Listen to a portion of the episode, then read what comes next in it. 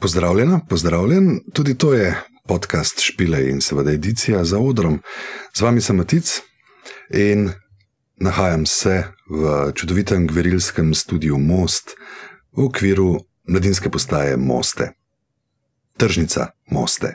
In seveda zahvale kot vedno tudi osebam. Nik, Bor, Maruša, hvala za gostoljubje in sodelovanje, pa seveda Boštjanu Koširju, Blackbird Master Studio za master tega posnetka. Kot vedno, gost, gostja z mano in danes uh, z velikim vznemirjenjem pozdravljam glasbeno promotorko, uh, mojstrico za odnose z javnostmi, glasbeno menedžerko in precej znano osebo na slovenski glasbeni sceni, kljub mladosti, z mano je Maša Pavokovič.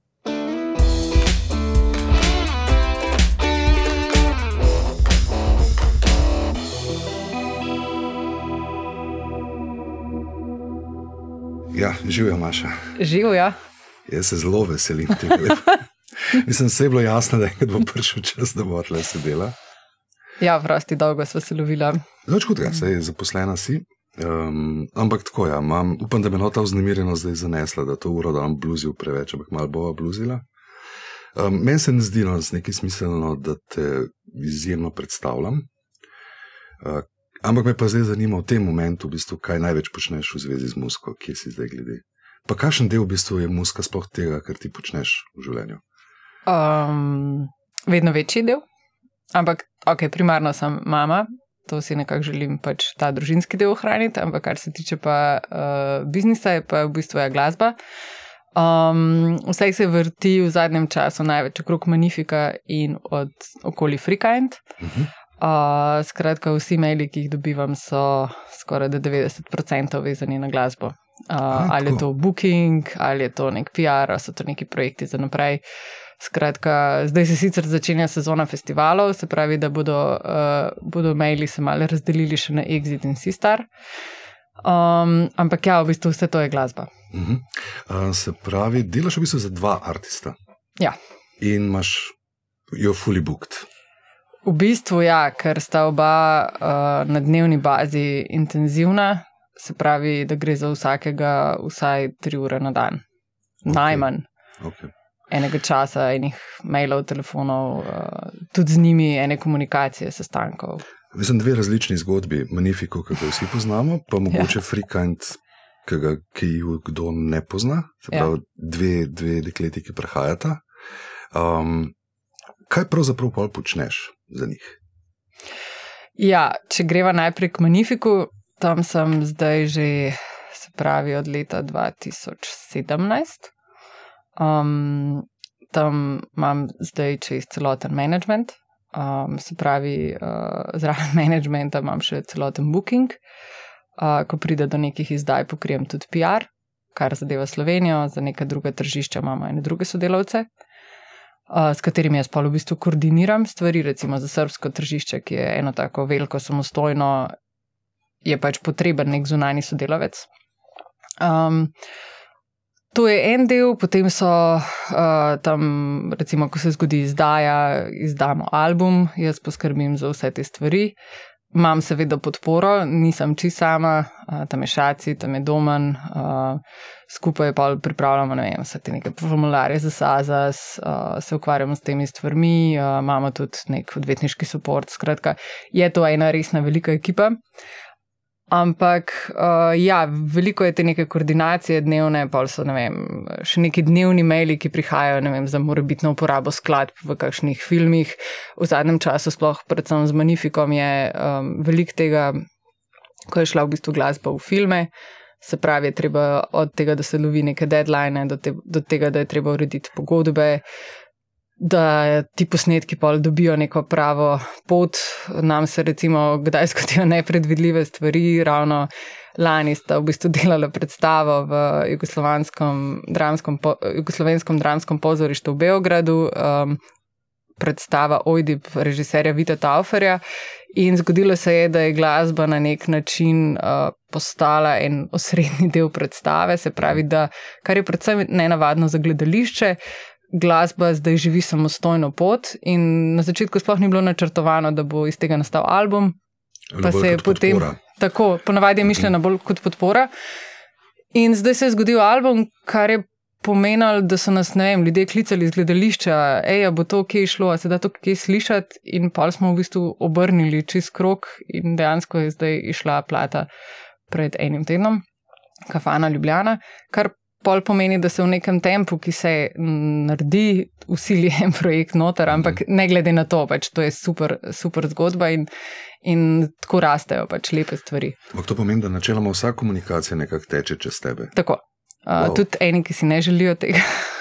Eni si ne želijo tega, da jih prek tebe. Oh, okay. Včasih, mislim, včasih bi kdo, ne, ne, to se mogoče sliši malo nenavadno, ampak ja, včasih si kdo misli, da um, bo lažje prišel preko koga drugega, oziroma pa se nekako vedno zaokroži, da je treba priti do mene nazaj, ker Aha, bom povedala, vrata. koliko. Tako, ampak vse to smo, to smo navajeni, to pač živimo v tem okolju in je meni super, in uh, na nek način sem tudi, uh, smo z ekipo na ta način povezani, da potem pride vse na moj mail. Mhm. Se pravi, you're in charge. Skupaj se odločamo. Ja, no, zanimivo mi je, ja. kaj si rekla, ne? se pravi, celoten management in booking, se pravi, tako to dojemaš kot dve malo ločeni dejavnosti, ki sta tle združeni. Absolutno. Ja, ne? ok, um, to, to me zdaj zdaj čist. A to pomeni, kaj, da ljudje za, za karte fehtarijo okoli, recimo. To, To je, to je tak decembrski sindrom, se pravi, uh, enkrat na leto delamo stožice. To je kar velik projekt za, za ekipo, čeprav je letošnja izvedba bila že zaporedna. Bi se lahko že marsikaj naučili, pa smo tudi vse, pa je zaradi tega tudi stvar veliko lažja. Ima pa čisto vsak koncert, vsako leto svojo specifiko in zahteva neko svojo energijo, ki jo vložiš v, v, v koncert. In ja, tudi te karte so, so del tega, sploh ker uh, določeni ljudje imajo radi, da pokažejo svoje mišice, Mhm. kdo oni so. Um, tako da tudi te stvari grejo potem čez mene. Um, tako da se z marsikom slišim, uh, imamo take in drugačne pogovore, večinoma so lepi, uh, skušamo ugoditi marsikaterim željam. Tako da, No, ja. ja. si ravno omenila ta. Hospitality v pač, bistvu. hospitality, ja. Si ravno omenila ta, pač, ta nek sanski plec, ne stožce največji, pa delaš ti tam, ne, koliko to pravzaprav zahteva, koliko cajta to zahteva. No, pa koliko ljudi, pa tudi pa tehničen vidik, tudi, se pravi, tudi koordiniraš. Pravi, in, Ne, jaz sem se letos, uh, pa že mislim, da leto prej, sem, ker prej v bistvu ni bilo, ker je bila korona, je bila malo drugačna zgodba. Sem se letos iz tehnike v večini umaknila, se pravi, da imam sam ta nek popolni, da vem, kdo je kje in charge, uh, kdo kdaj pride kam, kakšna je časovnica. Ne grem pa v, v drobovje tehnike, v bistvu letos skoraj, da nisem vedela, kako bo, kakšno, kakšen bo izgled odra ker je bilo pač toliko ostalih stvari, ene take stožice potegnejo za sabo, od, um, se pravi, od prodaje kart do uh, komunikacije, konc koncev z, z ljudmi, ne vem. Uh, Ki si ne vem, mnogo zlomijo in so kupili karto za parter, in bi Ja. zdaj radi sedeli nekje druge in skušaš Ja. najti neko rešitev, se pravi, greš v ta ekstrem.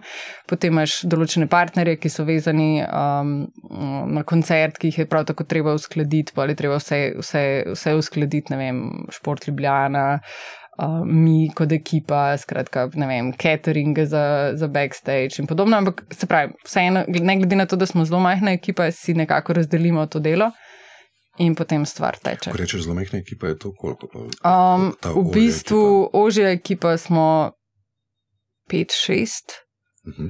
najožjih ljudi, pol pa so neki ti zunani sodelavci.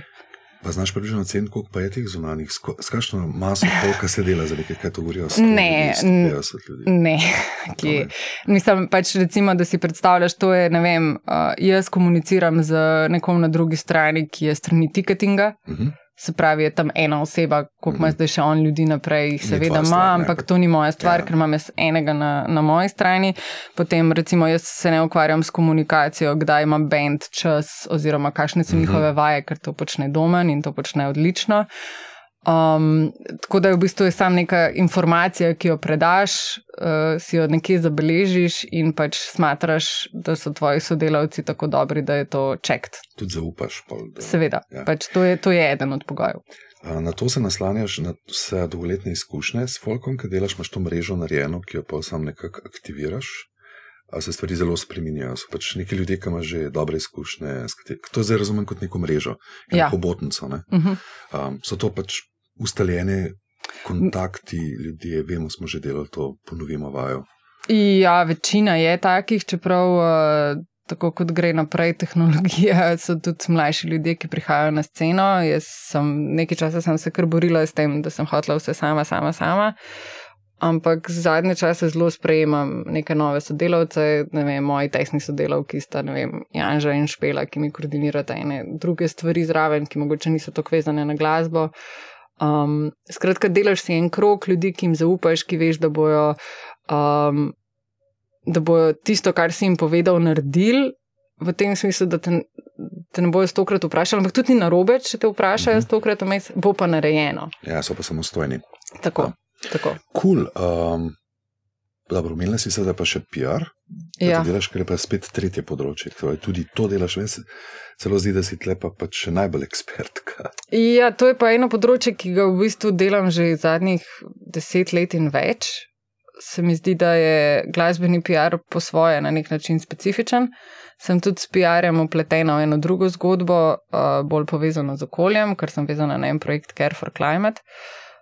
Tam sem v bistvu samo PR-ovec, um, se pravi, da medijske dreme, pa to, to je tak nek, neka osnova. Uh, ki jo potem nadgradim z vem, različnimi kampanjami in podobno. Se pravi, ne vem, zdaj na zadnje, recimo ravno za Exit in Sistar sem primarno um, PR-ovec z letošnjim letom, pa že tudi prej sem sugerirala Booking, letos ga tudi izvajam. In to je, to je en tak del mene in te stvari so letne. So, niso, ne morem več, da so copy-paste, ker niso, ker se tudi medijski prostor spremenja pa tudi drugi izvajalci so. Skratka, to je pa en tak drug del, ki ga potem prevzameš. Ampak se vse, ful je zanimivo, ker se v bistvu vse ful prepleta. Uh, prepletajo se, ne vem, zgodbe. Jaz v bistvu kot regionalni PR-ovec sem začela na MTV-ju. Uh mhm. -huh. In ta družina je še vedno ista. Pravi, MTV Adria. MTV Adria. Uh -huh. Se pravi, isti ljudje, Sanjin, recimo v Zagrebu, pač ta neka mreža, sam rasli smo, ne vem, vsak od nas je dobil otroke, zdaj smo mal drugače zgledamo, smo pa frendi že več kot deset let. In v bistvu imaš to neko mrežo, vedno lahko ga pokličeš, rečeš, hej, jaz imam ta bend, a bi mi spustil ti ven en press release in rečeš, valjda, ja, ne. In enako ja. si vračamo te usluge.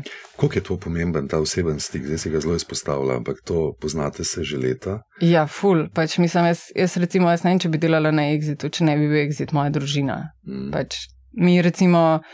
Po mojem, smo se med korono slišali največkrat, kako, sam, sam s vprašanjem, kako vsi ste ok, pač v, je kaj takega, kar si lahko pomagamo, ali pa sem, da je bil tak nek čist uh, sproščen čičet po telefonu. Mm. In smo imeli to neko tenzijo, v bistvu, da se slišimo. Ne vem, Bojana, ki je pač v bistvu šefica regionalnega marketinga na Exitu. Uh, to je pač, ne vem, jaz vem vse o njeni družini, ona ve vse o moji, uh, vsi se poznamo med sabo, če se le da, se srečajo partnerji, ja. mlajši, vsi pač. Nekako smo zrasli no, v zadnjih letih in je, je tudi ful težko reči, da tega pa zdaj več ne morem delati. Mm. Ampak to je, to je zgodba dolga več, to je deset let, se pravi, se ja. poznate. Veš, tukaj doskrat so, zdaj še eno imam fuleno zanimivo vprašanje za tega postavo, ki je mlad glasbenik tega bo malo pošparala. Ampak ravno to, ne, kako, če si mlad, kako prebiti to, jaz nikogar ne poznam, vi se pač poznate in ste se pač poznali pred desetimi leti in ste ohranili ta kontakt. Ne. Koga tudi vzdržujete, mislim, da si rekla, da pač v bistvu vzdržujete, to je prijateljsko poslovna navezava. Ne. Niste samo poslovni partnerji, ampak res se poznate. Ja, ampak tudi se mi zdi zato, ker vsi vemo, kako funkcionira biznis, pa kako funkcioniramo vsi mi med sabo. Mi recimo imamo potrebo potem, da se vsaj enkrat na leto vidimo izven festivala, uh mhm. -huh. se dobimo, se družimo, gremo skupaj na en parti, gremo na eno dobro večerjo, si povemo vse te stvari, ker čisto res med festivalom si ne moreš povedati o tem, kako je tvoja družina, ker imaš pač ja, nek, nek drug dela. fokus. Ja. Um, je pa to ravno to vmes, ko gradimo, ko se dobimo, ko je bolj sproščeno, ko naredimo neko strategijo, kaj bomo počeli za letos. Včasih smo imeli tudi, da smo imeli prav cel vikend, pa smo imeli pol organizirane delavnice, um, ki je bil čisto vezan v bistvu na posel, ampak pol se nekako popoldan ob teh nekih obrokih večerjah se združiš in si pač lahko vse poveš. Ja. No, zdaj pa to vprašanje, ne boš verjela, to mi je mlad glasbenik prejšnji teden. Dej ti meni povej, kaj sploh je PR v glasbi? Je ti vprašal. Mogoče bolj razumljivo, recimo, če si PR-ovec za festival, za event, ampak kaj, imam, kaj bi imel pa jaz, kot glasbenik, kot PR-ja? PR je tvoja komunikacija z širnim svetom, se pravi, uh, kako nagovoriti, uh, se pravi, kot glasbenik lahko nagovoriš publiko, ampak PR kot tak nagovarja različne publike. Se pravi, imaš neko spletno občestvo, imaš tisk, imaš radio, vsak ima neke svoje zakonitosti. In PR je v bistvu ta, ki ti, ki ti omogoča to komunikacijo in jo na nek način usmerja. Jo, jo, uh, posreduje po tem kanalu na način, ki je primeren za to, mm. da bo dosegal nekoga na drugi strani, se pravi, nekega naslovnika. Hvala ti za ta edukativni, se če bo namen, da bo nekdo poslušal, pa je končno. Tako... Recimo, super mi je, ker recimo tudi pri marsikomu opazim, da pa ne razumejo. Razlike med PR-jem in marketingom, ja. med zakupom. In, in super mi je en quote: PR is what you pray for, marketing is what you pay for. Pay for ja. In, ja. in ravno ta del je, čeprav vidim, recimo, tudi ko delam v oglaševanju, pač izven glasbe, vse PR se na nek način izgublja. Se pravi, medijski prostor je postal drugačen, vsi gledajo, kje bojo. Kje bodo vsebine prišle čez marketing, se pravi, s tem bodo prišle finance, ne kompenzira se več v kartah, že dolgo, dolgo ne. Um, Ampak še vseeno pridejo vsake toke eni projekti, kjer moraš delati zgodbe. Mm -hmm. In zgodbe so tiste, ki pol ali nadgradijo dober marketing, mm -hmm. ali pa so pač zasnovane popolnoma s PR-jem. In muska je taka, kot je, glasbo lahko vedno suportira nek finančni vložek, ali je zdaj to skozi nek boost na uh, socialnih medijih, lahko je pa v bistvu samo ena full dobro zapakirana informacija. In zgodba. Ne? In zgodba. Ne vem, to je zato, ker pač ponavadi je tako, booking bi radi imeli vsi, ker bi vsi radi špilali. Uh -huh. Pa, ko rečeš, ok, menedžer, si nekateri niti predstavljajo, dobro, zakaj tega človeka sploh rabimo. Uh, PR je pa že. Krivca rabiš vedno. Ja, ampak PR je pa že tam tretjič, kaj še le mar, mislim, marketing. PR tega pa verjetno ne rabimo. Ampak v bistvu bi pa radi bili na social mediji. Sam kako bomo to naredili? Vse marsikaj lahko narediš sam. Jaz, jaz vedno pravim, da je treba pač začeti sam z enimi stvarmi, zato ker potem veš, kdaj ne zmoreš več. Ker včasih pa le enostavno prerasteš sebe in vse, kar si želiš, je, da bi ustvarjal glasbo. Mm. Zdaj pa tako. Um, in pa pa zdaj greva iz Manifika, ki je pač vsem poznana zgodba, v eno lepo zgodbo, Frikant. Uh -huh. Ta je pa zgodba močna. Se. Takrat, ko si mi prvič povedala za njih, za njih dve, je bilo res tako, wow, to je pa zgodba. Um, ne, bova zdaj malo v njih dveh, ampak to je pa drugače. Oni zdaj sta pa na začetku, vendar gre zelo dobro in sta splošno prepoznani. Uh, uporabljaš isti model, rekel ta celotno, za Manifika si rekla celotno, pokrivaš pravzaprav celotno komunikacijo. Uh -huh. Za Frika je isto. Uh, podobno je pa zgodba, predvsem je zavila eno, eno drugo pot, uh, že od začetka zelo internacionalno. Uh -huh. Um, zdaj, recimo, zadnja stvar je taka tudi, da um, Jan Klausen iz Factory 92, se pravi, je moj sodelavec, je moj co-manager, se pravi, si deliva management, on ima sedež v Hamburgu. Spoznali smo se na najlepši možen način na njunem koncertu in nekako so se poti prekrižale, da smo rekli, da mogoče pa lahko združiva moči, kar je bilo tudi za marsikoga zunaj, ko sem vprašala, ej, kako pa pol funkcionira ta dva menedžerja, se učimo.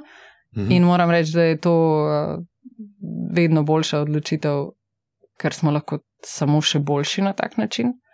Druga stvar je mogoče, da je njuna zgodba zdaj prerasla v smislu, da imam jaz končno podporo pri bookingu, kar se tiče na neki svetovni ravni. Se pravi, agencija Family eh, dela booking uh, iz Londona, imamo posebnega bukarja še potem v Nemčiji. In ravno zdaj, ko so se začeli v bistvu odpirati koncerti za celo leto, je to en tak hud tim, ki je nastal. Uh, z vsemi njimi izkoristimo vsako možno priložnost. Na, na zadnje smo se videli na Eurosoniku, se pravi nekaj tednov nazaj. Uh, se vedno bolj spoznavamo, vsi imamo eno isto vizijo tega benda, vsi verjamemo v to in res je ful dobro delati s takimi ljudmi, ja, pač, uh, ki razumejo svoj posel, ki pač um, so predani neki stvari in, in, in pač to so. In so ne, se nikoli ne veš, koliko je v bistvu ena fasada nekega človeka, ki ga ne poznaš celo življenje. Ampak vidiš ga, veš, da je on, vidiš po njegovem načinu dela, da je profesionalc in da to, kar dela, opravlja dobro. Še tista dodatna vrednost je pa, ko vidiš, da on to opravlja s srcem, pa da je nasmejan na koncertu benda, ki ga dela. In da prija pol po koncertu, ne na Eurosoniku, prija ta oba bukerja pa. Oh, moj bog, kako je bil dober koncert, pač to ne, to srce vidite, veš, ne vem, neke tehnične težave, čutite s tabo, da je, da, da je nekaj ni. Ja, a veš, pač to, to, to so ta neka čustva, v bistvu, ki, ki se mi zdi, da tudi ločujejo glasbeno industrijo od marsikaterega ostalega biznisa. Ti se pravi, zgodba v štartu je bila tako mednarodno zastavljena. Ne? Mislim, da že oni dve imata eno to. Ja. Ja. Oni dve sta, že ta zgodba, uh, slovenka, hrvatica, živeči v Avstriji ja. uh, in to je bil ta nek klik, ki je zgodbeno čist začel piti vodo tudi čez meje Slovenije. Uh, seveda je bila pa v spredju glasba. Ja, ne bi mogli se to, pod to zgodbico prodati kot pač, ne, en produkt, te dve zanimivi dekleti študirata, bla, bla, bla, ampak muska je šla. Ampak je bilo, v štartu je bilo krtko mednarodno mišljeno. Tako, tudi smo rekel, ne kako rekel to, mednarodna muska, univerzalna, nič sloven, mislim, slovenskega, ni bilo tisto, to bo pa ostalo v Sloveniji. Pač to, je, to je imelo krila že na začetku, in zdaj jih sam širimo in, in se odpiramo. In pač jaz tudi uh, in Nino in Saro cenim od momentu, ko sem spoznala, kako zelo sta delavni, mm. kako zelo oni dve si tega želita. Želi si marsikateri glasbenik, ampak uh, ta ustrajnost, ta, ta neka zagnanost, ta kreativa, ki jo premorete, uh, kako handlate te neke pritiske. Jaz sem vedno znova navdušena.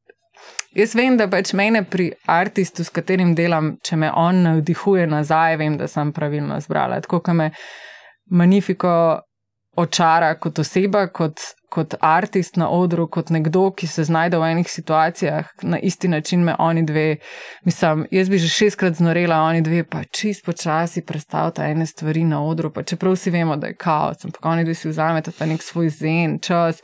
In to je meni, mislim spoštujem ta, ta način uh, funkcioniranja in se mi zdi, da pol, pol lahko tudi delaš s takimi ljudmi, ki jih, mislim, moraš ceniti človeka, s katerim delaš. Ne smeš imeti nikoli tega superiornega občutka. Seveda, verjameš v svoje znanje, včasih moraš udariti po mizi ali pa reči, da vem, da je to tako.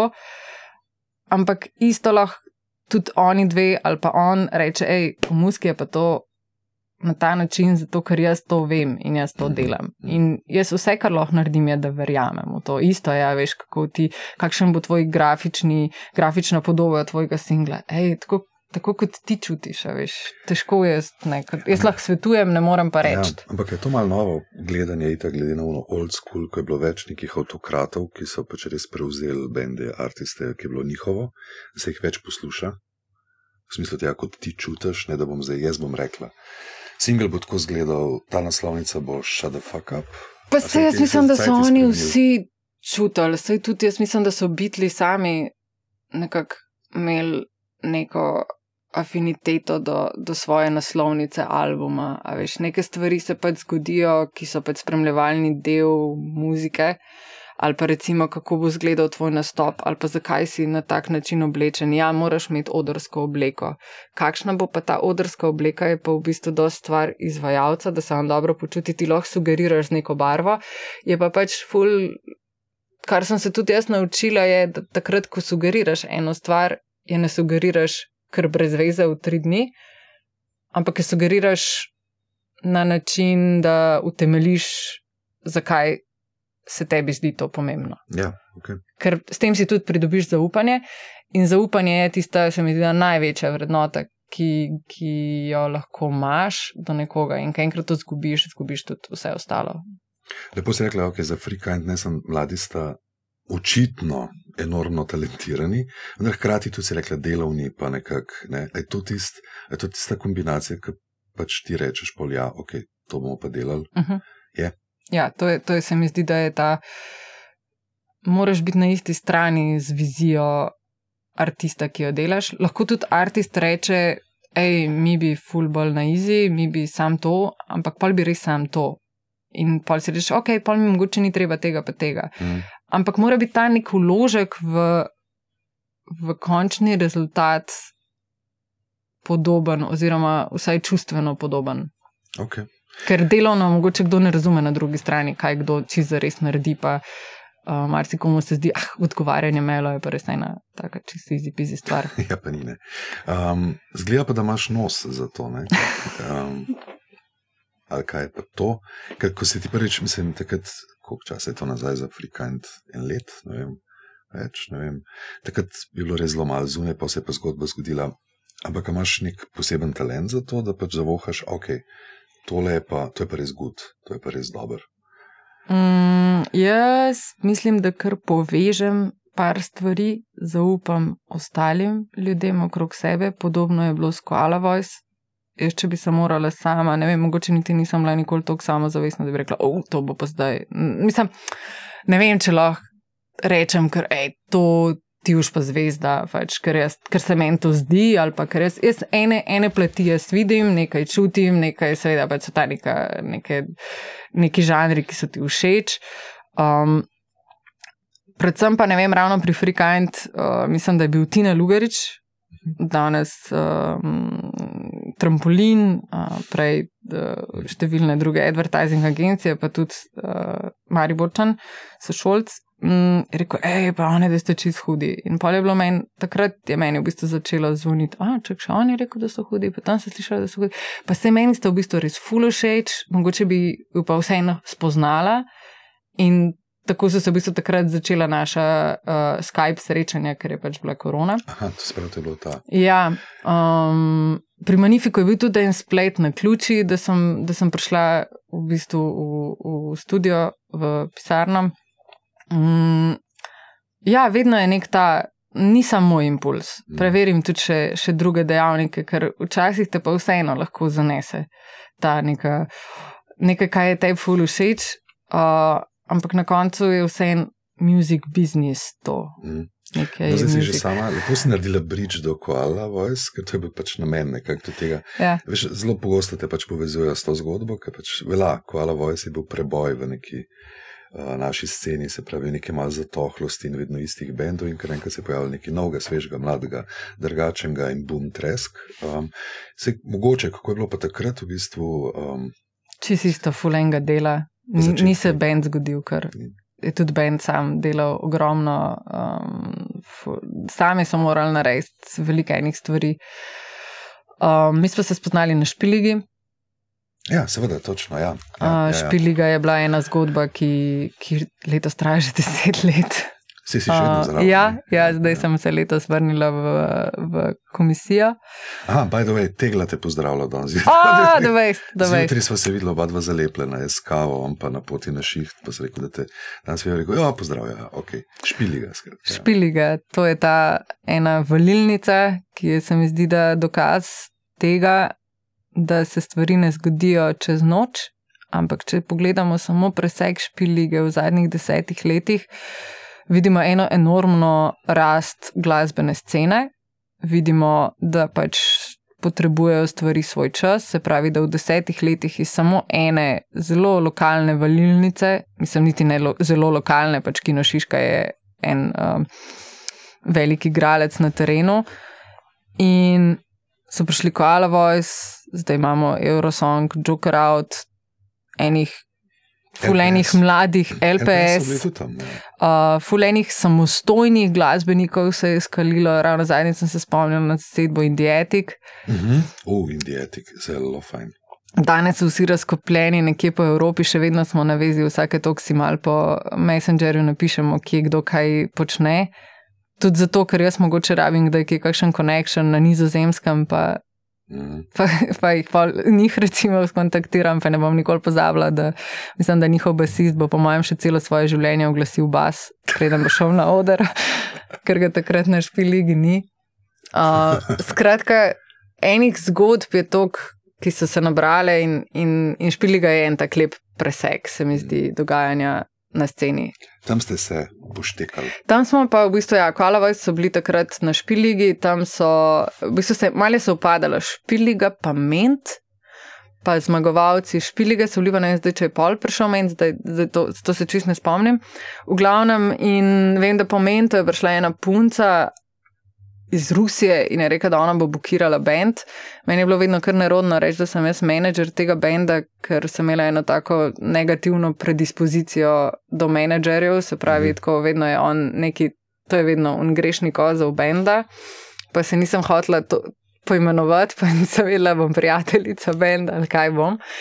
Um, ampak ja, pol je to, ja, pol je to preraslo v bistvu pač v management, tako ja. kot mora biti. In pač sem tudi sama se naučila postavljati neke vizije, kje vidiš bend, razmišljati. V bistvu se naučiti razmišljati par korakov naprej v nekem bendovskem smislu, in pol v bistvu smo skupaj s Kolovo in marsikaj zgradili. Tudi jaz, če ne bi imela njih, ne bi danes verjetno počela vseh teh stvari na ta način. Pa si hvaležna, ponosna, Ja, super. Mislim, se mi še vedno zdaj ravno pred novim letom, sem bila na zadnjem na njihovem koncertu. Super mi je res jih videti, objeti, ja, se pogovarjati um, in super je, ker smo še vedno v bistvu povezani. Mislim, da je ravno pri nas v podkastu Domen ravno to omenjeno, je bilo pa omenjeno to, da imajo pač zelo močno kemijo med sabo, da tudi, ko pridejo na špil, da tudi ostali bendi čutijo, da ti štirje pa pač res skrb furajo da so tako, da bi naredili en oblak okoli sebe. Da, so pač, mislim, definitivno nek unikat. Bajdo, jaz sem jih prvič pa res slišal za trgu francoske revolucije za nov letenk, uh mhm. -huh. sto let nazaj. Ja. Več nisem vedel o njih, sam bil tako, kva to imamo mi, kaj. To je slovenski bend. In, ok, um, Evo, ki si še rekla, špili ga moram, to je malo napovednik, ampak Kiwi Flash bodo izdali plato po. Evo, no, še en. En od bendov, ki je koronsko bil ful prizadet, zato ker so res takrat šli singlo ven, jih je točno usekal. In zdaj, po, evo, desetega, če bo kdo prišel 10. marca v Orto Baru, imajo plato zunine. Ja, hvalilenca bendov, ki je bilo takrat um, in še vedno obstaja, no, in ja. prihaja. Ne? V redu, um, zdaj pa tako ne nekaj ti mora en kvot, moram, to je tudi enega mladega glasbenika. Kakšno moč imaš ti, Maša? Ne? Veš, kaj je nekdo rekel? Ne? Joj, eno uro z Mašo Povokovič in moja karijera bo sam zacvetela. Ja, Zdravo, imaš magično moč, imaš Harry Pottersko. Eno uro sem, eno uro rab s tabo, se pravi, imaš ključe do skrivnosti glasbenega posla, ena ura in sam to, če bi mi nekdo zrihtel, da bi jaz tako malo respekt, pa imajo no, do tebe tako nekaj. No. Wow. To, je, to je malo zmišljeno. Ena ja. ura, ne vem, ne vem, če si tako magična. Je, uh. Ne, nisem, nisem. nisem. Ampak vseeno, ne bova na svetu danes stalala to, sorry, ne, ampak vseeno en pogled na, na, na glasben posel v Sloveniji, pa mednarodno hodiš po šovkejsih. Uh, Kuk se kaj spremenja zadeva? Korona, digitalizacija kako so ti novi trendi, kaj zdaj, kaj sploh. Veš, kaj tako sprašujejo vsi, kaj ne sploh naredim, jaz le neki mi neki vadimo, keša nimamo za menedžerja, sploh ne vemo, kdo je menedžer. Radi bi full špilali, radi bi imeli koncertov, pa nam jih ne dajo. Pa ne bova zdaj nasvetovala, ampak vse en pogled na ta, veš, ta glasben posel res je tako obširen. Ti si začela celo styling, si omenila, ne, za napoder. Mm -hmm. um, nismo se niti dotaknili mrča, recimo. Ne, ja. pa, pač sploh cel ta fazon okoli placov, kjer se špila, pa karte. Pa, uh, Kje je začetek, kaj mislim, pa tudi kaj se je spremenilo? Um, je, če bi, po mojem, vsi. Če bi bil ta nek jasen sistem, kako se pol to zgodi, bi se najbrž zgodilo, ampak se mi zdi, da je tudi pri bendih, pa pri glasbi, ta neka evolucija. Eni obstanejo, eni pa ugotovijo, da so boljši na kakšnih drugih področjih in da mogoče je glasba lahko samo spremljevalni del njihovega življenja, lahko fulmočen, ampak še vedno spremljevalni. Um, delovnost, zagnanost, uh, odprtost, pa predvsem, da poslušaš ne na svete drugih, ampak sebe, kaj bi si ti želel uh, sporočiti. Pa, ki imaš enkrat jasno to neko sporočilnost, pa da se ti dobro počutiš v tem, kar počneš, si itak naredil. Ful, ogromen korak si naredil s tem. Zaradi tega, ker uh, ni važno, v bistvu, ja, na nek način je važno, kaj seveda mislijo drugi, uh, ker drugi, recimo, so pol tisti, ki pišejo recenzije ali pa drugi bukirajo koncerte.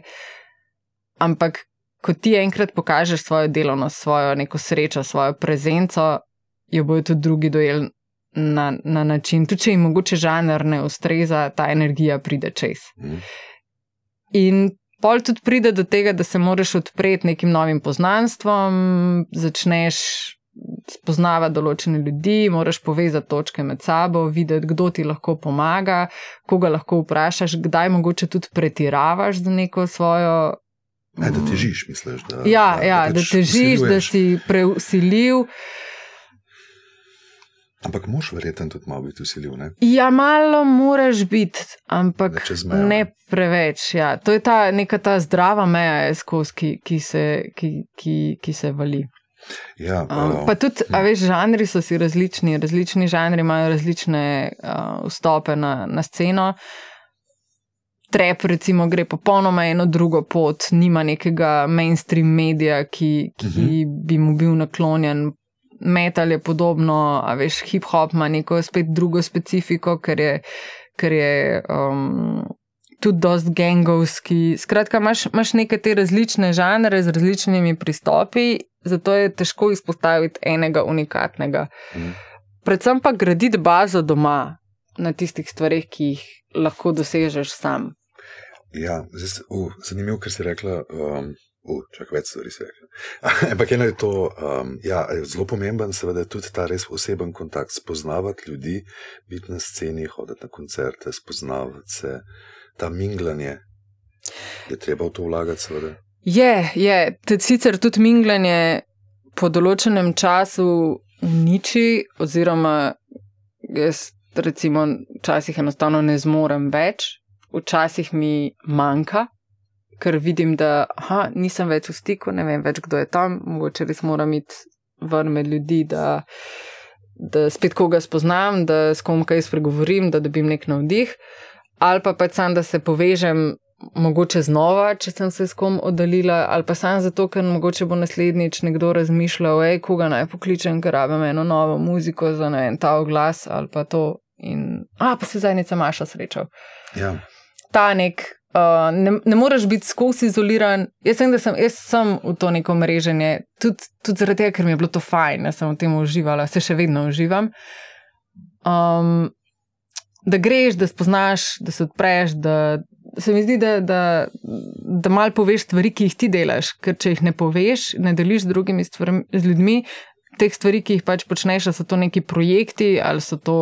Um, A je to muzika, ki jo delaš, če ne poveš o tem, pa je težko pričakovati, da bo to prišlo do ja, ljudi. edin, enim je to res zelo težko. A je to pa tega, da rabaš prijateljico glasbe, ne? Imaš Ja. Ta petega, ki pol gre med Ja, ljudi. ja, ampak tudi ta tapeti mora pa biti pol nekdo, ki je, lahko, ki je vreden tega, da govori o, tvoji, Mm. o tvojih stvaritvah. Omenila si žanrsko, ja, nekateri, nekateri niše, ki nimajo, zdaj smo pa malo pri teh mainstream medijih, oziroma ravno ta sprememba me pa zelo zanima, koliko pravzaprav sploh še rabimo mainstream medijev, oziroma kaj so zdaj klasični mediji, se pravi, ok, pri nas val 202, glede radija, potem mogoče neki tiskani mediji. Veš, koliko se je pa tukaj spremenilo? Mi smo včasih, imeli smo labele, imeli smo neki ustaljeni dogovori, video spoti se vrtijo tam, radio, pa trije intervjuji v tiskanem mediju, pa je bilo nekako pokrito. Ne? Ja, ker smo tudi medijski prostor je bil čist drugače koncipiran. Um, jaz sem ravno, ne vem, po mojem, enkrat pred novim letom sem delala v sklopu enega drugega projekta, ene delavnice po srednjih šolah. In polka mi je ostalo še čist malo časa na koncu, sem, um, mislim, da so bili dijaki četrtega letnika, sem jih vprašala, kje poslušajo glasbo. Uh, ja, kaj, dobro, dobro. um, mene pa to zanima, jaz sem bila tako. E, e, super je bilo. V bistvu uh, ugotovila sem, da so na Spotifyjih, iTunesih, uh, se pravi Apple, Apple Music. Ja. Ena, dva sta še dvigalna gor, da, da sta na Deezerju. Skratka, um, je bila ta zaznana tako v mojih očeh ta neka pripadnost glasbi, da jo konzumirajo, in pa sem bila ok, in kako pa zveš za nove bende. V bistvu, predtem je bilo še vprašanje, kaj bereš. Ja, okay. Ali bereš fizično, in so me tako pogledali, tako iz katerega planeta si pa ti prišla, kakšno Eno knjigo, fizično. pa to knjigo Ne, preberem. pač v bistvu ne Bereš. vem, da pri babi mogoče, ko gremo na kosilo, preberem vikend, ker je Oh. oh. pač nekdo zanimiv na naslovnici. Okay. Ali pa pol tudi zelo zanimivo se je izkazalo to, da uh, tisti, ki so imeli v debati prej, ko smo govorili v bistvu o generacijah na tej isti šoli, tisti, ki so bili najbolj razgledani in so imeli največ zapovedati, so pa tudi rekli, da berejo novice, da mogoče enkrat na teden pogledajo tudi dnevnik. In tukaj sem pa zaznala tudi to neko um, dojemanje, ampak ne glede na to, zdaj, kaj, kaj se jaz pač mislim, je večina bila v tem, da so na Instagramu in na teh kratkih. Na omrežjih kratke um, miselne sporočilnosti, se pravi 15 sekundne. Okay. In pa sem jih vprašal, ok, ampak kje pa zveš za nov ja, bend? Kje zveš za novo? Na Instagramu. In, z, ja, in zanimivo mi je bilo to, da so tudi rekli, da sledijo se pravi, um, prostorom, uh mhm. -huh. v katere zahajajo. Placom, klubom. Ja, kino Šiška, uh, Prulčku. Um, se pravi, imamo tukaj eno stvar, ki, za katero jaz mislim, da tudi venijo in sami še niso dojeli, kakšno moč imajo. In tudi ne samo venijo, ker venijo je v bistvu brand. Uh mhm. -huh. Tako kot je band, brand je tudi venue brand. In njegova moč je enormna. Njegova moč je že daleč presegla mailing liste, njegova moč je v odkrivanju novih stvari. In ko ti enkrat dobiš, kar so prej govorila, isto o zaupanju, se pravi, da je zaupanje tista najvišja vrednota med nami. Je v bistvu tudi zaupanje ve, do venja, ki bo na ta, na ta prostor povabil nekoga novega in mu boš ti zaupal, ker je itak izbor dober. Ful, pomembno. Uh, ampak to dela pri nas? Jaz mislim, da to raste. To raste, jaz mislim, je, da to, to raste, ker, ker z moje strani, kako jaz sprejemam, mislim, da je težnja, je sicer ta nek individualizem, pa, pa um, to neko tipkanje, pa voice message, pa to. Imamo pa, imamo pa v bistvu to neko še vedno potrebo po nekih socialnih skupinah, se pravi, ti moraš pokazati neko pripadnost. In zato je, zato je tudi pol pri bendu kot takem visoka vrednost tega, kakšno javno podobo si ti kot bend zgradiš, ker s tem lahko dobiš ljudi, ki mislijo podobno, ki v tebi iščejo nekoga, v katerem se prepoznajo, mu spet zaupajo, mu sledijo.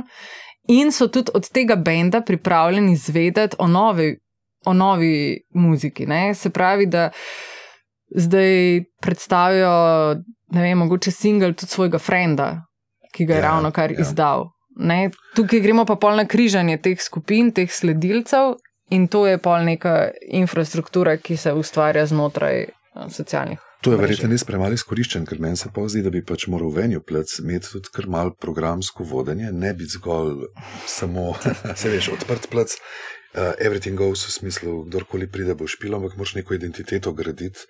Seveda. Bi isti folk, ker pa če v ponedeljek, zmišljujem si, odprt odr za nekaj novega, to je dobro, bomo šli kar ta venju. Ampak pri nas ne vem, nekih prav zelo velikih programskih. Direktorjev ali nekaj vodi, ki bi razmišljali o tem, jaz nisem ga dal srečo. Razen, seveda, večji placi, ki tako to delajo. Imajo tudi finance za to, ja, finance, da, da se, da se grejo. Je, se pravi, to je pa ta catch, se pravi, uh, identiteta placa ki potem preko svojih omrežij sporoča, tole vabimo. Ja. In dobiti zaupanje, mislim, zaupanje že obstaja, folk prija pogledati in tako nekdo nov dobi možnost, da nekdo, ki jih ne pozna, sliši, se tle keč, ne? se pač frendi poznajo tvojo musko, sam jih je itak sam 20. Sej tudi. Sej na ta način funkcionira Cankarjev dom. Na koncertih, ki jih imaš za aristi v Cankarjevem domu, pride včasih kar ena publika, ki Recimo, jaz ne poznam, ne vem, da ta publika spremlja moj bend, ampak ta publika spremlja Cankarjev dom. In jim zaupa, in jim zaupa nekoga, tako. ki bo zihar kvaliteten. Ki je v redu. Ne? Tako imajo čas, imajo vem, željo po nečem novem, so mogoče nekje čist na kratko slišali, mogoče povežejo z neko vsebino izvala 202, pa tam je bilo v Monovičniku, pa mogoče zdaj to old school gledam, ker pač berem novičnike. Pa Ampak verjamem, da je, ta, uh, je pa to teže, recimo na nivoju enega prizorišča, ki pokriva različne žanre. Ali pa recimo nagovarja različno, ful široko publiko. Bolj, ko si ti širok, imaš sicer večji domet, ampak pri nekem mm, opinion makingu si pa pol. Imáš dva pola, no? odvisno na, na kje si, pa, pa na kakšen način upravljaš s tem. To si naredila ful zanimiv research. Se pravi, mulci gledajo Instagram, mogoče zaupajo enemu placu, kaj pa ljudem. Uh, tudi so pač neki. Sej, to imaš pa vplivne že, influencerje. So pri nas tudi neki glasbeni vplivne že. No? Nekdaj, ki rečeš, pač kot ta človek pa ve, kaj govori. Jaz mislim, da so bolj ti glasbeni vplivne že veljajo v glasbenih krogih. Da random ljudje pač ne vejo, mislim, vejo, da je on full hood kitarist, zdaj pa kako stvari še on zraven dela v življenju, pa ne vem, če si dajo toliko pravka, razen če so resni fani tega nekega benda. To se mi zdi včasih tudi full dobro.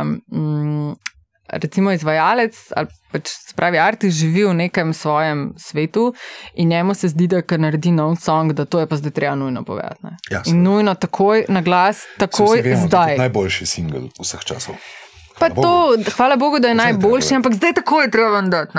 In, in, in, ta, in to je tudi rast, recimo, ne? rast je glih v tem, da si sposoben stopiti ven iz tega in reči, ok, koliko zdaj ljudi, ali pa recimo, koliko ljudi realno ve, da smo mi spot napovedali danes premjera ob 12. pa je bila fulejna histerija pred tem montažerjem. Sedem ljudi ve. Točno to, ne. A veš, in, in se mi zdi, da si delamo fulejnega nepotrebnega stresa s temi stvarmi konstantno, ker, ker nismo sposobni na, na sliko pogledati širše, plus, hej, kaj je ta ena ura, če je spot eno uro kasneje gor. Hmm nič. Ja. Dejansko je nič, v to pa lahko gre toliko enih živcev, toliko ene slabe volje se lahko zvali noter. In je čas res en tak relativen pojem, ko prideš do tega. Seveda, pazi, ne, mislim, treba se držati ene časovnice, enih ciljev. Če si zadaš, da bo ob 12, se potrudiš, da bo ob 12, ampak ne čez trupla, mm. ker nič ni vredno tega, da se bend spre med sabo, nič ni vredno, da ti kričiš na, na nekoga, da ni upravil svojega dela pač bodi prijazen do drugih, če hočeš, da so do tebe. Ene te, take. Um, Pa jaz sem ista, jaz mogoče zdaj, ker mogoče na čas gledam malo drugače, želim ene stvari opraviti do neke ure v dnevu, da grem lahko po otroka, da, da, da počnem ene druge stvari. Um, ne vem, šele zadnjih, zadnje leto, dve, tri. Um, ne vidim več pomena v tem, če nekaj ne naredim, pač do štirih, bom pa naslednje jutro. No. Mm. Ne bo se svet se zrušil vmes. Okay, če je nekaj nujnega v redu, z veseljem, če, so, če je to za dobre stvari, pa če res nekaj zamujam, ok, ja, razumem, bom, bom žrtvovala. Ne? Ali pa ne vem, ali pa nekomu nekdo gre fulirati igrati futbol, pa pol ga ne gre igrati, ker pač mora ene druge stvari narediti. Hej, pejte, da igrate futbol, une stvari bojo počakale eno uro. Ja, nekaj časa sem v eni pisarni kvot, uh, nismo srčni kirurgi in ne delamo koncerta na Wembleyju. Ja, Mislim, točno to. Okay. E, veš, kaj je še zanimivo, to si rekla, povezovanje med umetniki. Uh mhm. -huh. Recimo, recimo, da na Instagramu ena ta poanta se mi zdi zelo pomembna, to, da seveda skozi neke objave, ne objavljaš, glasbenik ne objavlja samo glasbe, ampak objavlja tudi neke svoje poglede na svet, neki, je pač v bistvu neka osebnost. Ne, ne more uh mhm. -huh. zgolj filati vsega tega zgolj z musko, ker enostavno nima tega tok. In je to tisto, kar ljudi pritegne, zato ker ga vidijo kot osebnost. To je za nekatere tudi naporno, ja. ker jim pač začne udirati v ne vem, intimo, whatever. Ampak to se mi zdi zanimivo, ta del, da seveda, če pa priporočiš nekoga, s tem se širi glas, priporočiš ne vem nek velik bend, mi pa poslušamo enega manjšega, se nam zdijo pa dobri. Kako misliš, da je volje pri nas v Sloveniji, da bi nekdo, ki ima res močno bazo, podprl, ker s tem naredi ogromen? Ne? Ja, pač to je tako dvorezen meč. Ne? Dvorezen meč je, jaz to recimo enačam s tem, ali igraš na dobrodelnih prireditvah ali pa ne. ne? Ker enkrat začneš igrati na dobrodelnih prireditvah, pač kdo sem jaz, da bom zdaj se odločil, da za tega otroka zbiram za unga, pa bom rekel ne. Mm -hmm. Tako da te stvari so take v premislek, pa je težko zahtevati od nekoga, ki je večji, sploh zdaj, da se bo on s tem ukvarjal. Um, ampak že sam, če ohranjava to raven, da sta dva benda, ki imata 300 followerjev na nekem, uh mhm. -huh. pač nekje, drug drugemu pošerata. Je zihar ene, pet, šest, tudi če imate dosti isto publiko, mogoče že ta support, da si ga izkažeš, je, uh, da se un prepozna. A, pa se ta bend v bistvu od tega sledi, a veš, ta, tudi temu, kako sem. Bis, ja, ja, čutimo se, a veš, ja. smo, smo na, razumemo pač del pripadnosti, delimo si nekaj, nek prostor. Tudi če je virtualen v smislu. Tako, se lahko je tudi realen, je to pa tudi smisel. Seveda. Booking delati dveh bendov skupaj.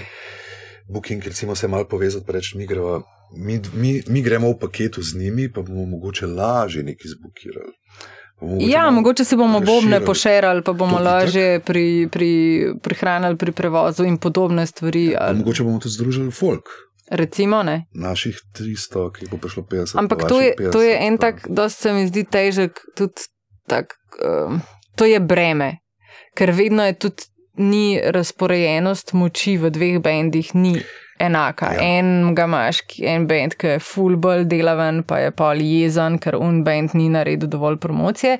So pa pri teh stvarih predvsem krivi šumi v komunikaciji. Mhm. Se pravi, ko greš se neko to zgodbo, ok, izmenjave bendov, da je vrži vse karte na mizo, povej si, kaj si želiš. Ej, jaz pričakujem to, pa to, pa to. In če mi naredimo to, pa to, pa to, boste vi naredili to, pa to, pa to. A ja, ne boste. Ok, kul, cool. jaz vem, da ti tega ne boš naredil in tega ne pričakujem. Ne? Pač si sam, ful, Ja. dobro, veš. Pač, To, si zdaj, to, to so cele anekdote, to si lepo rekla. Mal, mal bolj len band, ja, pa nekdo, evo, zdaj bom kar rekel, mislim, jaz zelo spoštujem Amadeja iz Ice on Fire, ki ima iz, tako. Ampak gre, ne, investira se v to, so, dela se storije, gremo. Ne. Recimo, zdaj sem se spomnil na to, ker z ogromno energije vstop v. Uh, Vse lahko poveva, tudi zdaj so bili uh, nominirani za tole Balkansko nagrado, bili so v Beogradu, bili so tretji. Uh, ne moramo oporekati energije, ne, ki je vložene. In pa imaš en drug bend, ki pa tako ne. A ste naredili story, ne, mi smo pozabili ali pa nekaj. Ne. Ampak vse to je tudi do tega, kaj ti želiš. Pač nekdo pač želi blazno izstopati na Instagramu, ja. pa mu to pač pomeni, ja. pa je to jutranji drive, pa to zjutraj, ko vstaneš, oh, kako hudo, 50 lajkov imam, oh! sorry, pardon. Ti, ampak to šteje sploh kaj? A to sam smo vsi, smo vsi malo ratali blesavi, da to šteje. Mislim, vsi rabimo smislu- to, kaj je že to, to je nek uh, hormon, ne, ki se Ja, ja, zdaj ja, ja, izloča. to itak, ja. ne, ampak um, To je za nas, ampak ima to kakšno vezo z glasbenim poslom? Zato je to resna veza, da se sam delamo, da tako, oh moj bog, 50 lajkov, na koncert prije pa pet ljudi. ja, koliko ljudi si je zdaj res šlo pogledat, koliko lajkov si ti imel na to fotko. Ja. Vse vem, to so te neke take krute, ampak vse važno je, kaj to pomeni v tvojem malem svetu. Mm. Meni se zdi, da to, to predvsem to pomeni. Pač, če ti to pač pol da nek drive, da boš ti šel v studio pa naredil nek nov hud single ali pa ne vem, dobil nek zagon, ki ga rabiš, ker pač so te tokrat že potovkli vmes. Ampak včasih, mislim, jaz, jaz ful težko rečem, da je kakšna glasba slaba, jaz samo rečem, da meni mogoče ne sede. Ampak pač ene stvari res, eni se ful preveč trudijo. Preveč. Ja. Ti, kje številke pa sploh štejejo? V smislu, recimo, so te monthly listeners na Mm, Spotify. ja, recimo pa je zadnje tipa- čase, v, nažalost, kar recimo jaz tudi zdaj, ko smo imeli kar nekaj sestankov z, ne vem, publisherji zaradi FreeKind uh, iz drugih držav, uh, vsi s težkim srcem rečejo, da so morali pač pogledati Spotify Ja. ja. in da to šteje. Je, ne. In da to je tisto, kar generira neko odločitev nekega večjega benda, da bo zabukiral nek drug bend. So, so, so indikatorji, število srčkov na, na Spotifyju Na šteje. Spotifyju, ne, ne na Instagramu, na fotko. Pa tudi ne, na Instagramu na pač pogledaš tisto, kar imaš čas. Ne, se pravi, pogledaš, koliko ima nekdo nekih followerjev, pogledaš, seveda, koliko je nek povprečen odziv na, na neko objavo. Ker če je ena, dve, pa vidiš, da tudi ostale številke niso realne. Tudi to je treba vedeti. Um, ja, Spotify je zadnji čas. Ampak je- je ta monthly- ampak ampak ima ima težo. Ma, ne. In ne morem reči, da je čist irealna ta, ta teža števila poslušalcev. Ja, mislim, da ni. Ja, mislim. Je pa pač res, da včasih smo se spraševali, če radio odraža stanje na Mhm. trgu in ja, obratno. to, Ja. Um, jaz mislim, da digital kot tak ne odraža stanja na trgu. Se pravi, če imaš ti vem, 20 tisoč uh, monthly listeners na, na Spotifyju, to nikakor ne pomeni, da imaš zagarantiranih 150 ljudi na špilu. ja, ni ne. Nimaš. Uh, ampak je pa Spotify prevladal kot tisti, mislim, Tidal se trudi, Mm, Deezer se ja. je, je nekako tako neka referenca. Jaz sem to zaenkrat največkrat doživel, da nekdo vam potegne telefon in reče, o katerem bendu govoriš in je Spotify tisti. Ja. Da je nekdo, ki iz posla pa pač pogleda in reče, uf, uf, 150 monthly listeners, to je pa slabo, mislim, da je pa ne, neprepoznan bend. Ne. Je, ne, pa smo, Ja. ja. smo slovenci tukaj uh, hendikepirani. Zaradi majhnosti trga, da so naše Smo, ja. številke po defaultu manjše. Smo, smo. In to nas tudi algoritem Pač um, zajebava. heca v Ja. to foro. Ja. Mm. Pa se tudi, če sam te velike pogledaš, veš, kako imajo monthly listeners. Ja, včasih šokira to. Ne? Ja. Ni, ni neki. Ja, ampak to je spet, moraš se vprašati, kdo pa je njihova publika. So njihova publika res uporabniki Spotifyja? Ja, postajajo mogoče, postajajo, ampak ni pa. Se pravi, tržišče je, tržišče je čist drugačno, pa tudi treba se zavedati, da nehite dajati karte po 5 evrov. Ker to je podcenjevanje samega sebe, pej v trgovino, pa poglej, kaj stane 5 evrov. Pa če je tvoja glasba res vredna 5 evrov, pa tako kot sem se prej pogovarjala, 20 frendov na guest listi, res takih frendov ne rabiš. Ja. Ker v bistvu živ dogodek je pa tisti, ki mislim, koncert pa prinaša Ja. ljudi, realne, ki so se res privlekli tja, Ja, plačajo karto. ja ni A, fair do ostalih, ja. ki so zato namenili nek, ok, sej razumem, ne morem se spuščati v, v vsak finančni problem vsakega človeka, ki bi račel na koncert, pa ne more. Um, je to taka dosti kompleksna zadeva, sploh ko pride do financ, si pa bend tukaj sam jamo skoplje. Predvsem Ja. za guest listo. Prvič, ko boš dal nekomu guest listo, oprosti, ampak je pričakovano, da jo boš dal tudi drugič. Pa mogoče še komu več. Ne? Ja, ker se ta krok seveda širi. Dobro Ja. premisliš, a veš, pač spet nazaj, music industry, music business. Ti greš na oder zato, da pokažeš to, kar znaš, ok, ampak pa si saj priznaj, da nočeš nič zaslužiti iz tega dogodka. Ker če si si priznal, da res nočeš, pa v redu, pač me ges listo, ampak pa si priznaj tudi, da naslednjič ne boš hotel več nič zaslužiti. Ker težko je, pač to je, to je v bistvu je stvar vzgoje ljudi okrog sebe. Um, lahko rečeš, vedno super so, ne vem, kaj pa naj pol rečem, kako naj rečem. Ej, z Bendom smo se zmenili, da imamo vsak enega ali pa dva Ja. ja. na gesti. In to bojo vsi razumeli, rečeš, hej, sorry, dal sem punci, pa dal sem mami. Ja, Ali pa, to a veš, dal sem. In, in dva, in, in vsak, jaz mislim, da ki je normalen, na drugi strani bo razumel, valjda, sorry, uh, koliko stane, hej, ne morem, ker nimam zdaj tega denarja, pa rečeš, hej, daj, um, ne vem. A veš, vedno najdeš neko to rešitev, se mi zdi, za nekoga, ampak z, s pravimi ljudmi ta, ta pogovor ne bo šel do, do te mere, verjetno kot sem ga jaz zdaj karikirala. ki se rekla, res, ok, 5 evrov je res, ko včasih misliš, tako, ok, škatla čikov, pa nekdo ne bi dal, mislim, to je tako podcenjevalno, pa itak matematika se pol ne izide. Ne? Veliko Mm. kapaciteta placa, pa krat 5 evrov, pol vidiš, da je minus, tle nikaj. Ja.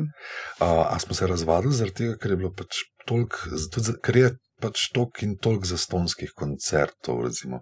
Ali je to.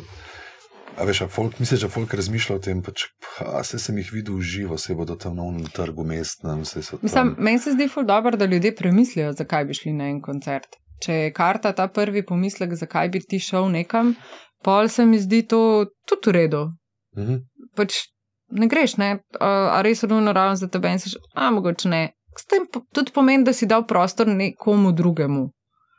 Ni, ni to nujno, nujno slabo v nekem. Ne moramo zdaj pričakovati od vseh, da bojo vsi šli na vse mlade metal bende, ki so pač v, ne vem, na območju ljubljanskih šol. Ja. Ali pa s tem narediš tudi neko svojo notranjo selekcijo, ki je daleč od tega, da bi bila slaba. Tako kot ste za resne velike koncerte, kjer je pač cena višja, tudi dvakrat premisliš, a bom jaz zdaj res to dal, čakaj, če zdaj dam za tega pol mi za unga nastane, kjer ga pa raje poslušam in potehtaš in narediš pri sebi v glavi eno, eno lestvico, ki je čisto kaj. Sam je, so res včasih. Ampak so težke odločitve, absurd- pa tudi. Ja. ja, tudi. Mislim, ja, ok. Meni se so včasih kar absurdne debate o tem, da ne vem, škaj 10 evrov je res preveč, da je moraj 7. Tako se zdi, tako, ok, o čem se mi pogovarjamo. Mislim, res je malo tako razvrednoceno. A Veš, Ja. ja. ne vem. Polje vprašanje je, unka ima sedem, ima deset. Ja, meni so nekateri razlagali, da pol nima za tisto pivo, da to ima on 10, sem pa je tudi tako pač, ok, jaz smo tle. Ja, Um, mislim pač. Odvisno je od benda, odvisno je Ja. ja. od prostora, ki je ful težko bi to. Ampak včasih je pa ravno obratno. ne. Um, recimo pri cenah, ko pridemo do karte na 22 evrov, sorry, ampak unke da v 22 evrov bodo tudi 25. Absolutno. In pol, ko gledaš na neko kapaciteto, med 22 in 25 je 3 evre razlike, ko to pomnožiš S kapaciteto. S kapaciteto dobiš- Vidiš, Aha, lahko plačaš še tega in onega in tretjega. Ha, mogoče bo pa lučkar fulover lahko plačan Mm. za ta koncert. Ja. Ali pa Pa rodijo bomo dali, polno kavo s kombi, bomo dali. Ne, ali pa dali pa 100 bomo pač karkoli, ne, lahko bo za nove majice ali pa ne, karikiram, Mm. ampak ja. Mislim, je samo to, ki se počasi končuje, ampak vem, da to mi dva lahko še raztega. Ne? To je nevarnost. Oh, ja, Ampak je kar dober. Um, je težko misliš, da jim razmišljati o tem denarju? je. Je, Jaz mislim, da. Uh, zato, ker se to- nismo. Jaz mislim, da v nekem šolskem sistemu ne obstaja ta neka razlaga, da je denar pač čist ok. Pač. To je način, to, to ni nič slabega, da se o tem pogovarjaš, to je na istem nivoju, ker, uh, ker pač samo nimamo vsi neke pravne izobrazbe, so pogodbe bed. Mhm. Niso, zato ker pa ne morem zdaj, mogoče je težko reči, da ker nimamo izobrazbe o denarju, da je to slaba stvar. Mogoče nimamo izobrazbe o ek- ekonomiji kot taki in kako deluje in kako ta denar na nek način pomnožiti. Je se mi zdi, da isti problem pri pogodbah, ker se vsi ustrašimo tistega nekega strokovnega jezika, ki ga ne razumemo, pa imamo ta nek de facto v glavi, da, da pogodba je itak bed, pa nekdo me bo nategnil pol. Ne, to te bo zavarovalo. Končno boš, če nisi prej znal prisluhniti, imel zapisano, kaj se od tebe pričakuje in kaj moraš ti, kaj ti lahko dobiš, oziroma kaj moraš dobiti. In podobno je pri denarju, je pač ekonomija koncertov.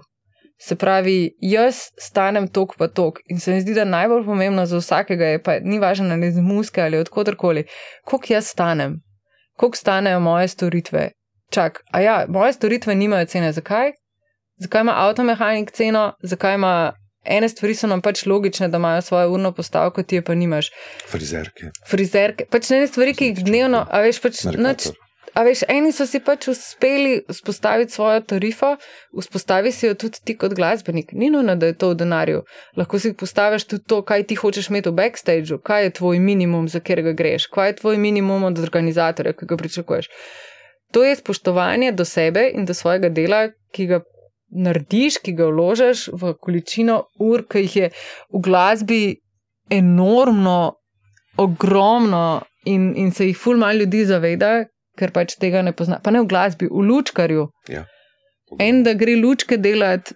Uh, oblikovalec ni lučkar, ampak je oblikovalec luči, ker on je v tem strokovnjak. Pač, Ja. ja. Če nimaš njega in je on za noč, pač No, ti si rekel, itak je toliko vloženega, ampak že sam tisti dan koncerta gre I- cel itak, dan, ne? to so itak. ure, pakiranje robe noter, noben. ja, ja. Uh, ja, mali slovenčki, pa imamo s tem težave. Pa nismo, jaz, veš kaj, jaz mislim, da to je tako povsod.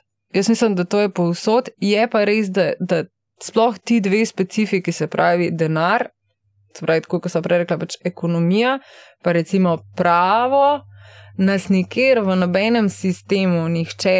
Če zares ne poduči o tem, otok, da si ne bi dal neke bav-bav predispozicije. To pomeni tole v šolstvo, v Rind. Neke, vse neke stranske dejavnosti, a veš, da imaš ti Ekonomija možnost, da, da, da imaš, a veš, nek ta osnovni pojem. Mislim, mi, mi govorimo včasih o tem, kot 23-letnik ali pa 22-letniki ne znajo plačati položnice. Ja. Ker ne vejo, kaj je to, ne vem, ok, na meni še gre, pa imaš pa uh, model sklic, pa je to, kaj je to. Ampak neumno bi bilo pričakovati od kogarkoli, da on to ve.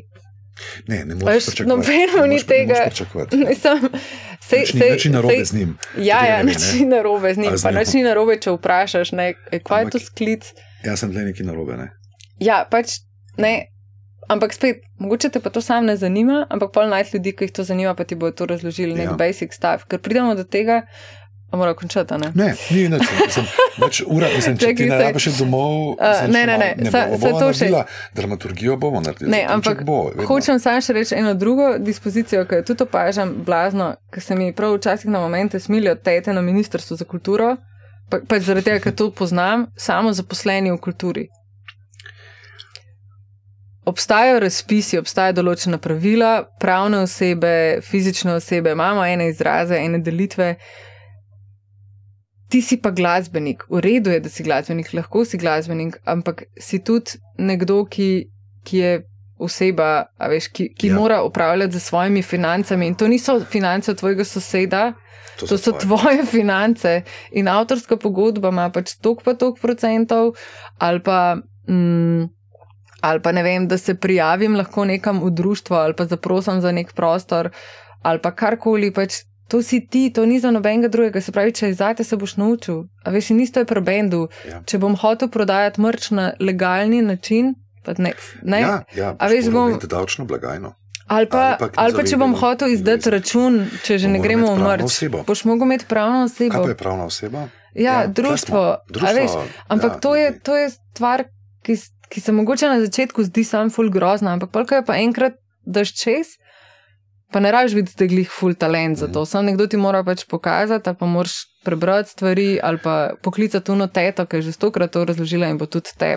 Fun fact, ne, ampak lahko se pa tudi malo zajebeš, ne. to je spet anekdote spred pol leta, ne, Ben okay. podpisal pogodbo za ložbo, pa je ni prebral, ne. Ja. Sam to je tudi ful grozen od založbe, da ni z bendom prebrala. Ja, no, ampak ne. Uh, kaj pa piše tam v drobnem tisku, so neke stvari, ki nam pa zdaj niso všeč, zdaj pa že. Ne. Tako da to so pa malo take stvari, ki ja. malo teže se nazaj vrneš. Ne. Seveda, sam ful je grozen, ker se moraš to naučiti na, ja. na svojih napakah. Čeprav se najbolj naučiš, tako kot si bas pa uglasiš forever. Indijtik, ki nadaljavo, nekomu se zdaj kavca. Ja, ampak jaz jih imam res to krat. Ja, ampak ja, pač hočem reči, da, da uh, tudi jaz se nisem rodila s tem, da sem znala položnico izpolniti. Tudi jaz nisem vedela, kaj je to klic. Uh, sklic. Tudi jaz nisem vedela, ker sem začela mm. bukirati, kaj je to flat fee. Yep. Nisem vedela pol enih izrazov, ki sem jih googlala ali pa sem jih, ali pa sem res koga vprašala. Pa zdaj, pred kratkim, jaz nisem vedela, kaj pomeni GSA. GSA je Germany, Switzerland, Austria. Ampak. Aha. Zdaj to A, vem, regija. recimo. Ja, ja, ja, ne, ampak vsi ja. so mi govorili, nekem GSA, mi bomo prezeli, kaj vas je, kva. In, in Pa, pa sem že full časa v tem, pa zdaj ja. se lahko na drugi strani to posluša smeje, kako tega kako ni vedela. Ni vedela, to je svojim oh, let. Ja, vem, ampak ja, pač ampak mogoče nikoli nisem ja, slišala ja, tega. Ja. In, in tako, ko se jaz dan danes učim, ali pa AR, ker sem prvič, kaj, kaj je to na založbi, a veš, mm. ha, kaj on dela, ampak hvala Bogu imamo danes nek Google, ki Pač... Ga je treba tudi uporabljati za te, te stvari. Ja. Sej, uh, veš, kaj to se mi zdi, da pač spet, če so pri mladih, včasih to, ki vidijo to enormnost tega, pogovarjamo se o pravnih osebah, ošit, oh, še s tem se moramo ukvarjati, kaj je to. Davč, mrč bi radi prodali, pa radi bi bili legalni, pa bo treba, ošit, oh, kaj je zdaj to, kdo bo meni to delal, a jaz bi rad samo usko špilo, ne? ampak nikak ne gre, ne? če ne moš nekoga najeti. Če že ok, plačam nekomu in bo pokril to, se pač mora sami to zorganizirati. Bo, mislim, tako, veš, cajti ja, ja. se mi zdi tega, ne vem, keša na roke in to so načeloma minili. To se nobeno več ne splača. Ne. Ne, mislim, to, to so res stare zgodbe, da po koncu ob dveh zjutraj na šanku, pa polom prepati. Ba je funkcionira, nekdo je to rekel, zaenkrat, da v Ameriki še vedno da pač priješ v neki majhnem klubu, pa ti pol da ne vem, 20 dolarjev ali kaj. Ampak pri nas načeloma ni več to, bomo kar z nekim kešem utovili, skratka se moraš s tem realnim svetom tudi pri muski ukvarjati. Ne, No, zdaj pa sva v zaključnem dramaturškem. Namreč imam še eno to skrito vprašanje. Zdaj si ratela, to mi je še štiratela. Eno tako ni skrito. Nekateri pravijo, da, si, da znaš biti ostra. Jaz si bila tako, Danes je večkrat rekel, da meni se zdi zelo prijazna. Ampak tako, ne, da se te malo bojijo. No, eni, da, da znaš pa tudi, kot si rekla, včasih je treba pa po mizi udariti. A to drži tudi, da znaš pa zelo biti in da si se tega naučila skozi ta leta, moraš biti. Mm. Pa če je še kaj slučajno povezano s tem, da si ženska v poslu, si mogla biti ostrejša, pa si mogla bolj postaviti mejo. Jaz tega nikoli nisem dojemala na ta način. Mogoče se zdaj malo bolj zavedam te neke pozicije, ker tudi sama vzgajam punco in si želim, da. Oziroma, sem bolj pozorna na okolje, v katerem jo vzgajam, pa sem posledično tudi bolj pozorna na ene stvari. Ne vem, če si se kdaj vprašal, koliko je bobnar, pa koliko je violinistk.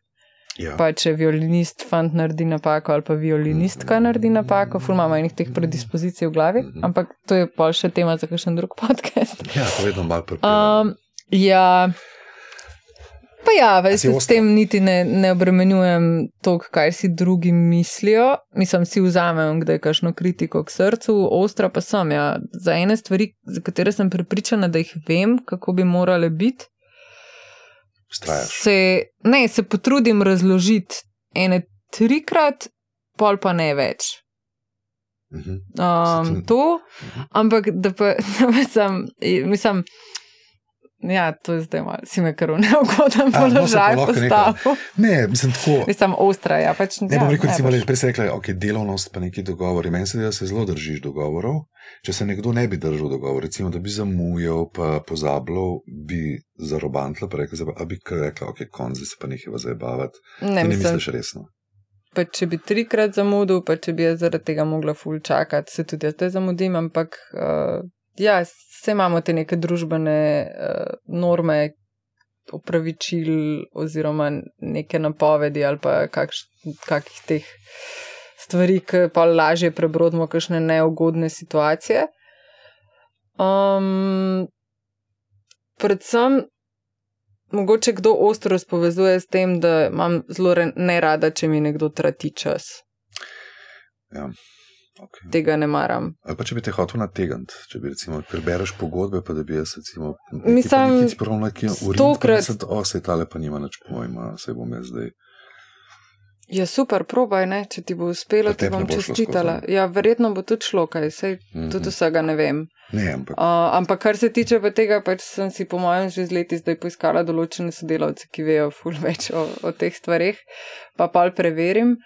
Ampak ja, itak, pač se to se mi še zdaj dogaja, da, da, da kdaj ni um, vse tako, kot si jaz recimo zamislim. Pa še vedno pa si rečem, hej, dobro, sem se pa nekaj iz tega naučila. Hm. Ali pa pač tudi pol potegnem črto, pa mi ni treba se s tem ukvarjati, oziroma z to osebo več ukva- ukvarjati. fair. Ja. E, To bila zdaj ta ura onega glasbenika, ki je rekel: Ura z Mašo Pavokovič. Se pravi, nekaterim se bo zdaj karijera odprla, bile so čudežne rešitve, neverjetne. Ej, ti, me je bilo prijetno, ful ti hvala. Ja, sva se kar uh, dinamično razgovorila je na koncu. Zdaj pa še tisto zadnje presenečenje, ki je pa pozitivno, namreč Ok. okay. imaš glasbeno željo. Nisem ti nikoli ne povem, ali malo pozabim, vedno lahko potem kasneje sporočiš, ko boš še Boštjan tole zmontiral. Imaš eno možnost, muzika je lahko tista, ki ti je ljuba, lahko je tista, ki jo ti delaš, lahko je karkoli iz tega sveta, eno to možnost imaš. Grozno, Ja, ne? ful težko. Ja, to skoraj vsi rečejo. Tako da se ni treba zdaj na izust. Uh, boš sporočila, ampak to, da ti črvati vsedim. Uh -huh. Mm, Dač pa to je to, ja.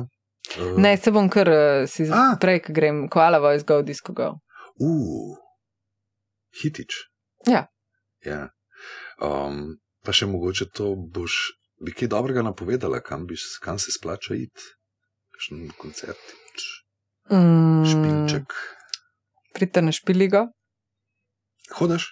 Ja, ker sem v komisiji, ampak tako se mi zdi, da so vedno, Ja. vedno dobri nabori. Veselim se, sem priporočam polfinalne špile, ker mislim, da je Bera več kot odlična. Recimo, to je eden od priporočil. Ja. Včeraj sem videl eno fotko, se videl nekih, nekih za, za, za krinkanih ljudi. Ja, bil je, bil je en, uh, en reper, to rep, Ja. trep? rep, rep. rep. Kratko in sladko je bilo. Ja. In če nekdo tja za jadra in vidi pa članico komisije Maša in te podsuka za rokav, Prav, mislim, boš rekla živijo, Ja. nisi, ne, ne, ne grizeš. bom, ne. po- bom poslušala. Nisi tak, ne, če, Bom če bi nekdo poslušala. bil rad tako minglal, pa rekel, le tam le, si lahko upal, ja. Ja. pa reče živijo. Ja, na sporočila še- na Facebooku pa odgovarjam z mikom. Ja, Lahko moram ful poslušati. Ker pa res Ja. poslušam, pa če poslušam, si vzamem čas. Um, ja, to pa je to. Ja. Čisto za zadnjo, ali imaš še placa še za kakšnega artista, trenutno bi si, ali imaš, ali si fully booked. Mm. Mm, zaenkrat sem fully booked. Mm, čist zaenkrat je toliko enih stvari, ki jih je treba dnevno narediti za, za aktualne stvari, da si ne morem privoščiti še nekoga. Okay. Bi pa ful, sam ne morem. Ampak se tudi drugače, doskrat gostuješ v raznih delavnicah, predavaš, govoriš, tako da ljudje te lahko srečajo, no, ki te podsukajo. Ne? Ja. Lahko te ali pa pač v resnikih ne rabijo te tako na kavo vleči, pa potem ste. Kavo si, zna, a, to je tudi fulaber, ja. kavo si lahko sama kupim. Znaš, ne? Ja, imam, zmoreš? imam, zmorem si kupiti kavo. Na to fora naušla. Um, Ja. Lahko pa tudi kdo, kdaj pride, pa vpraša, koliko pa stane tvoj čas. A ne? Ja. ja. Ampak tudi včasih pa dejansko tudi kje predavaš in tudi ljudje lahko kaj izvejo. Ne? Tako. Tako. Sej mogoče, če, če, če se bom malo zorganizirala, imam tudi sama v planu par sejšnov narediti, ampak jih moram še spostaviti, uh, kaj in kako. Pa kakšne nove zgodbe so na vidiku, tako da se bo še v kakšnem podkastu dobila. Se pravi, part tu. Prihaja. Ali obratno. Ej, Maša, ti hvala. Um, zdaj pa Veseljem. pač, ja, hvala, voice. Dio. Čau.